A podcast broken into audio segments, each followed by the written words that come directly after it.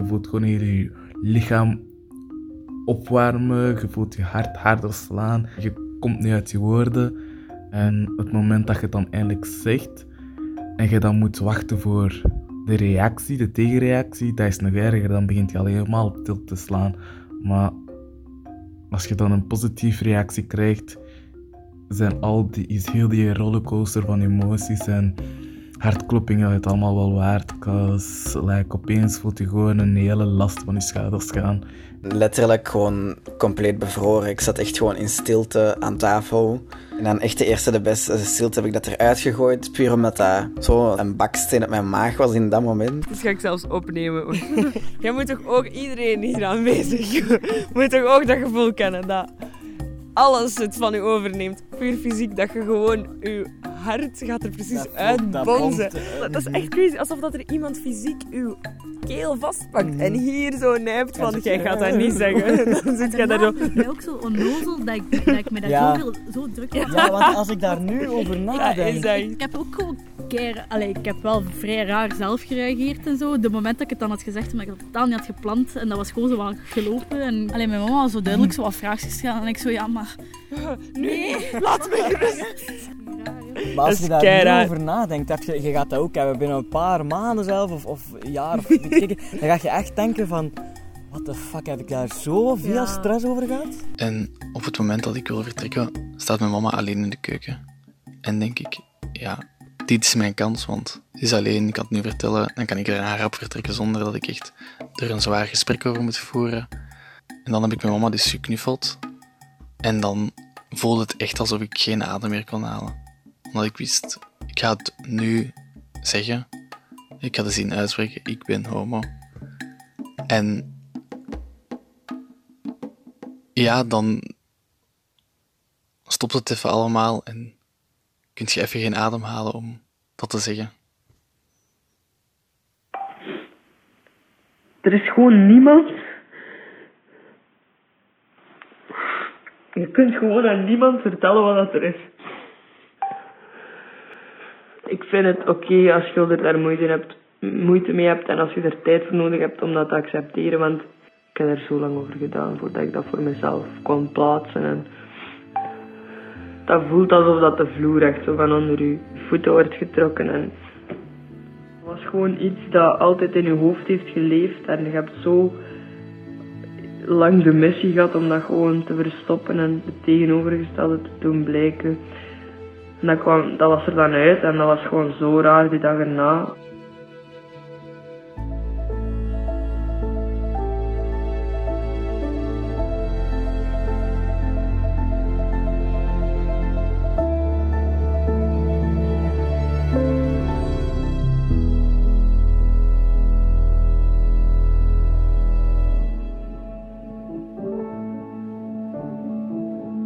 Was zo bang. Ik was zo, zo fucking bang.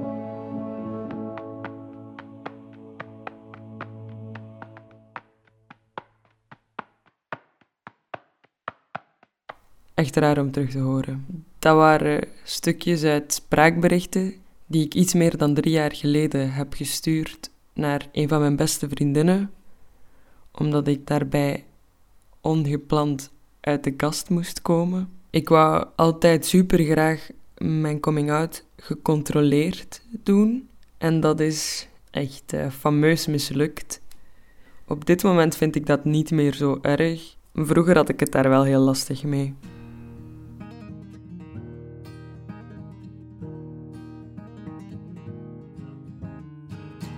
Ik ben Marie, ik ben nog steeds 21 jaar en ik ben na 7 jaar eindelijk min of meer uit de kast. En hoe dat ging, dat ga ik je nu vertellen. Je luistert naar de laatste aflevering van Uit de Podcast. The world spins round and round. While I'm still sitting in the same place.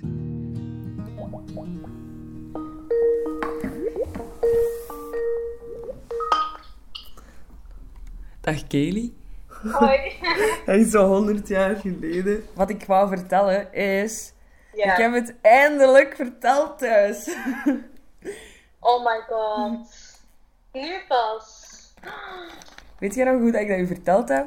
Ik, Ja, ik, allee, niet, niet exact, maar wel ongeveer. Was dat niet op Snapchat? Ja, omdat dat daar verdween. Ja, jij zei zo, ik moet je iets vertellen. Ja, en dan... Maar ik heb het uiteindelijk gezegd, want het was niet uit uw woorden gekomen. Ja, ik, heb, ik kon het zelf denk ik niet. Ik weet ook nog dat in het begin als ik daarover praatte of als ik daar iets over stuurde, moest dat echt op Snapchat omdat die berichten verdwijnen.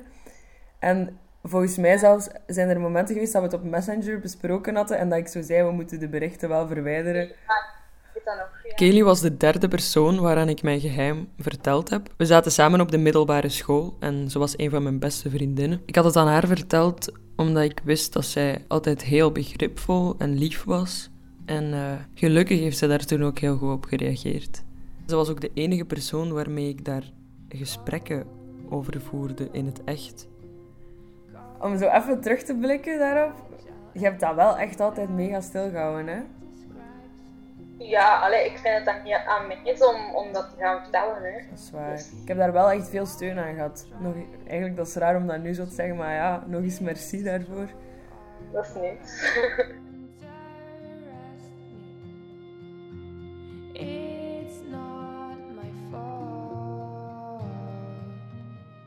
Toen ik de beslissing heb genomen om het met een paar mensen te delen, zat ik al in het vijfde middelbaar. Die paar mensen waren dan ook echt maar drie mensen. Ik moet toegeven dat dit een van de beste beslissingen is geweest. Het leek op dat moment misschien iets heel klein, maar achteraf gezien is dat echt een heel belangrijke stap geweest. Dat heeft echt een eerste heel groot gewicht van mijn schouders afgenomen.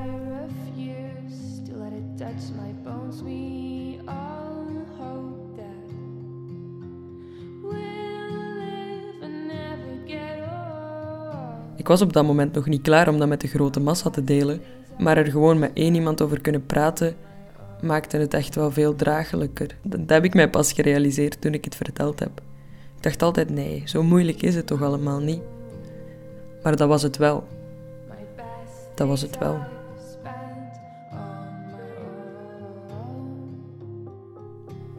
Ik neem het mezelf zeker niet kwalijk dat ik het aan die eerste mensen niet in het echt heb verteld, omdat dat voor mij gewoon te moeilijk was toen. Het voelde veiliger aan om het te typen. En ik denk dat het super belangrijk is dat je gewoon de weg kiest die voor jou het minst moeilijke lijkt.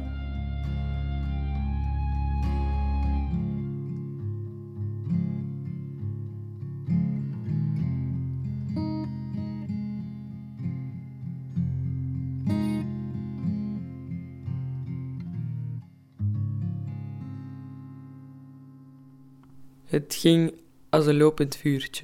Alleen was het een onzichtbaar vuurtje. En kon ik niet zien wie het wist en wie niet. Hoe het juist verspreid is geraakt in het zesde middelbaar, dat is mij nog altijd niet heel duidelijk. Dat is dus ook de reden waarom ik die spraakberichten heb moeten sturen en mijn coming-out dan niet echt volledig zelf heb kunnen doen. Ik wist dat het geweten was. Je voelt dat als mensen over u praten. Dat was het einde van mijn zesde middelbaar en dat was jammer genoeg echt een rotperiode. Maar toen was er het hoger. Ik ga je even iets vertellen, ik ga echt in shock zijn. Ik ben gay.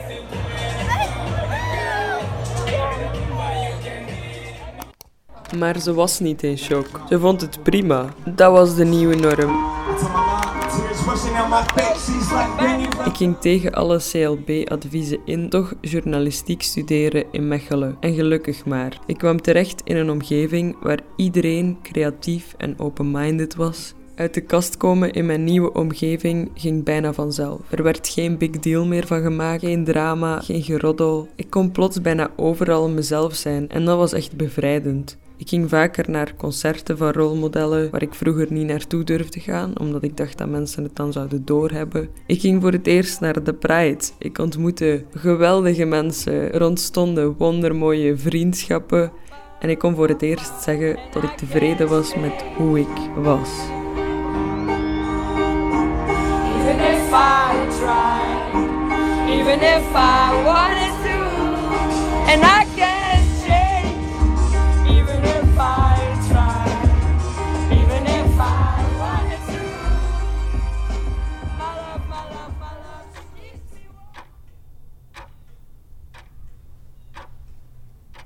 En En toen was er nog één grote stap.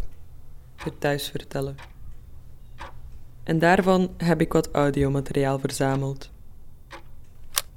19 april. Babbelsessie met mezelf. Het is op dit moment eh 11 uur s'avonds. En ouders zijn nog tv aan het kijken en mijn zus zit in haar kamer, dus ik ga niet luid praten. Het zijn mega rare tijden. Normaal eh, woon ik niet thuis. Maar nu met de quarantaine wel. Ik heb mega veel puisten. En ik heb dat eigenlijk normaal nooit, behalve als ik stress heb. Dus ik voel wel dat de, de stress is zich aan het opbouwen, maar ik ga, het, ik ga het doen. Vanaf dat ik terug naar Mechelen kan gaan, dan ga ik het wel vertellen. Zodat ik toch eh, even op mezelf kan zijn daarna. Ik ben echt heel benieuwd. Waar ik wel schrik voor heb, is voor zo het vervolg. Als mijn ouders dan ook te weten komen dat mijn bachelorproef hierover gaat. Ja, dat is alles wat ik wou zeggen. 20 april. Wandelen met Emma.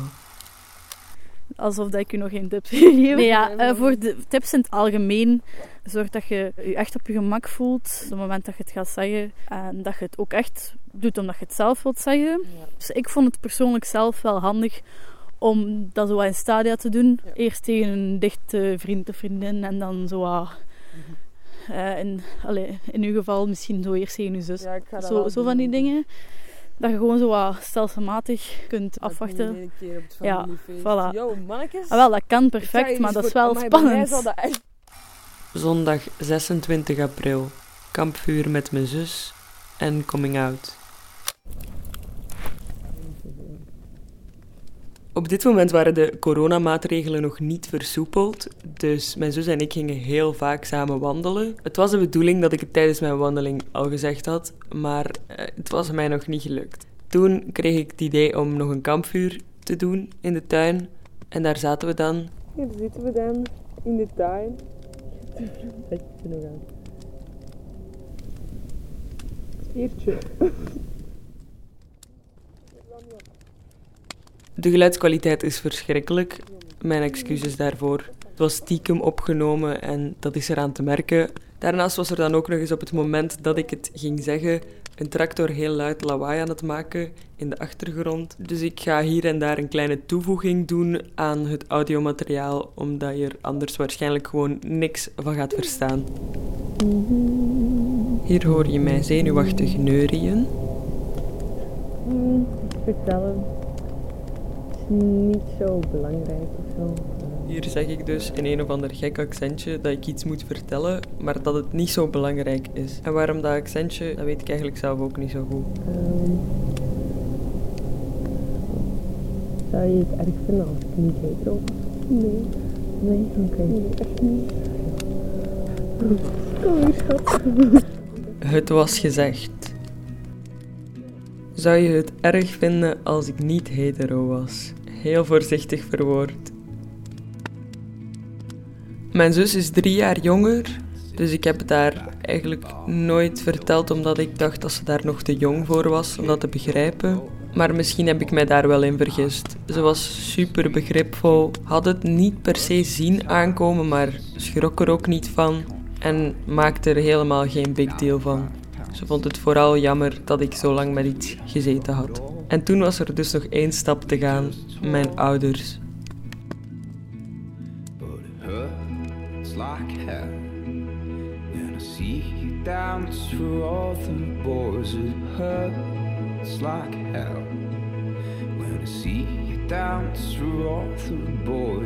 hurts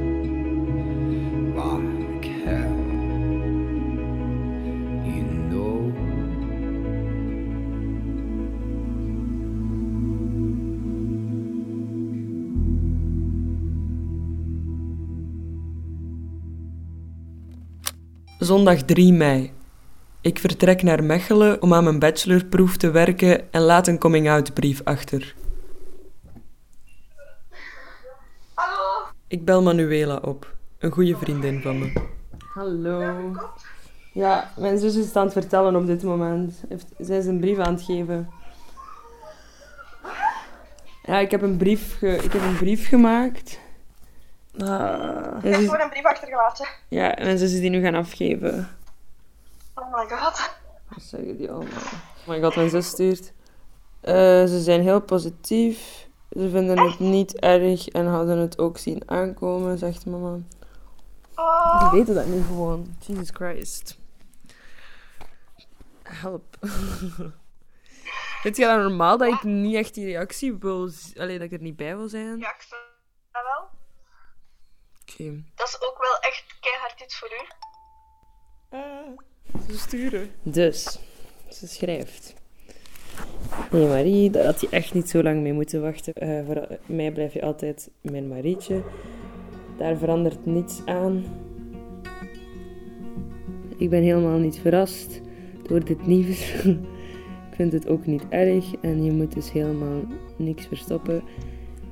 Ehm, het heeft niet veel gescheeld of ik had het jezelf gevraagd. Dus geen zorgen. En doe het daar goed op je kotje. En terugkomen en dan mijn papa. wel blijten. Ja, dat is wel mooi. En dan mijn papa. Ik ben heel blij voor jou dat je dit gedeeld hebt.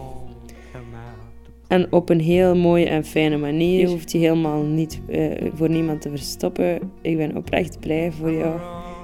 Ik wens je veel succes. Oh dat is echt emotioneel. En eh, ik wens je veel succes met je werk. En veel liefst, papa. XXX. Ah. Mooi. Laat me even met jou. We're up. Nou, nou, dit hebben we dan ook weer gehad. Kei lief wel. Ja, allee, dat een terugwacht, hoera. I'm broken and have blew me back together again.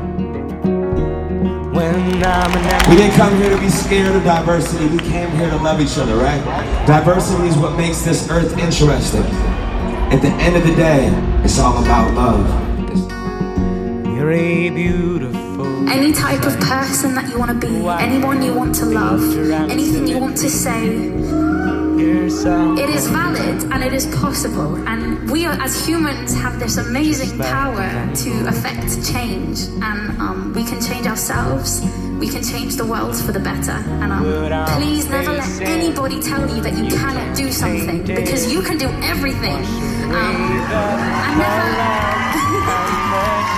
and never give up this song.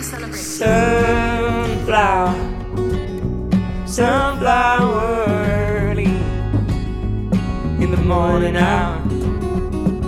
Sunflower, sunflower early in, in the morning hour.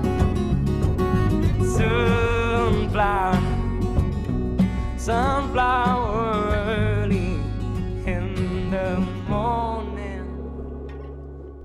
Tot slot wil ik nog toevoegen dat dit mijn manier is geweest om uit de kast te komen, maar dat dat voor iedereen anders is en dat dit zeker niet de juiste of de foute manier is. Bedankt om te luisteren naar mijn verhaal en dit was uit de podcast.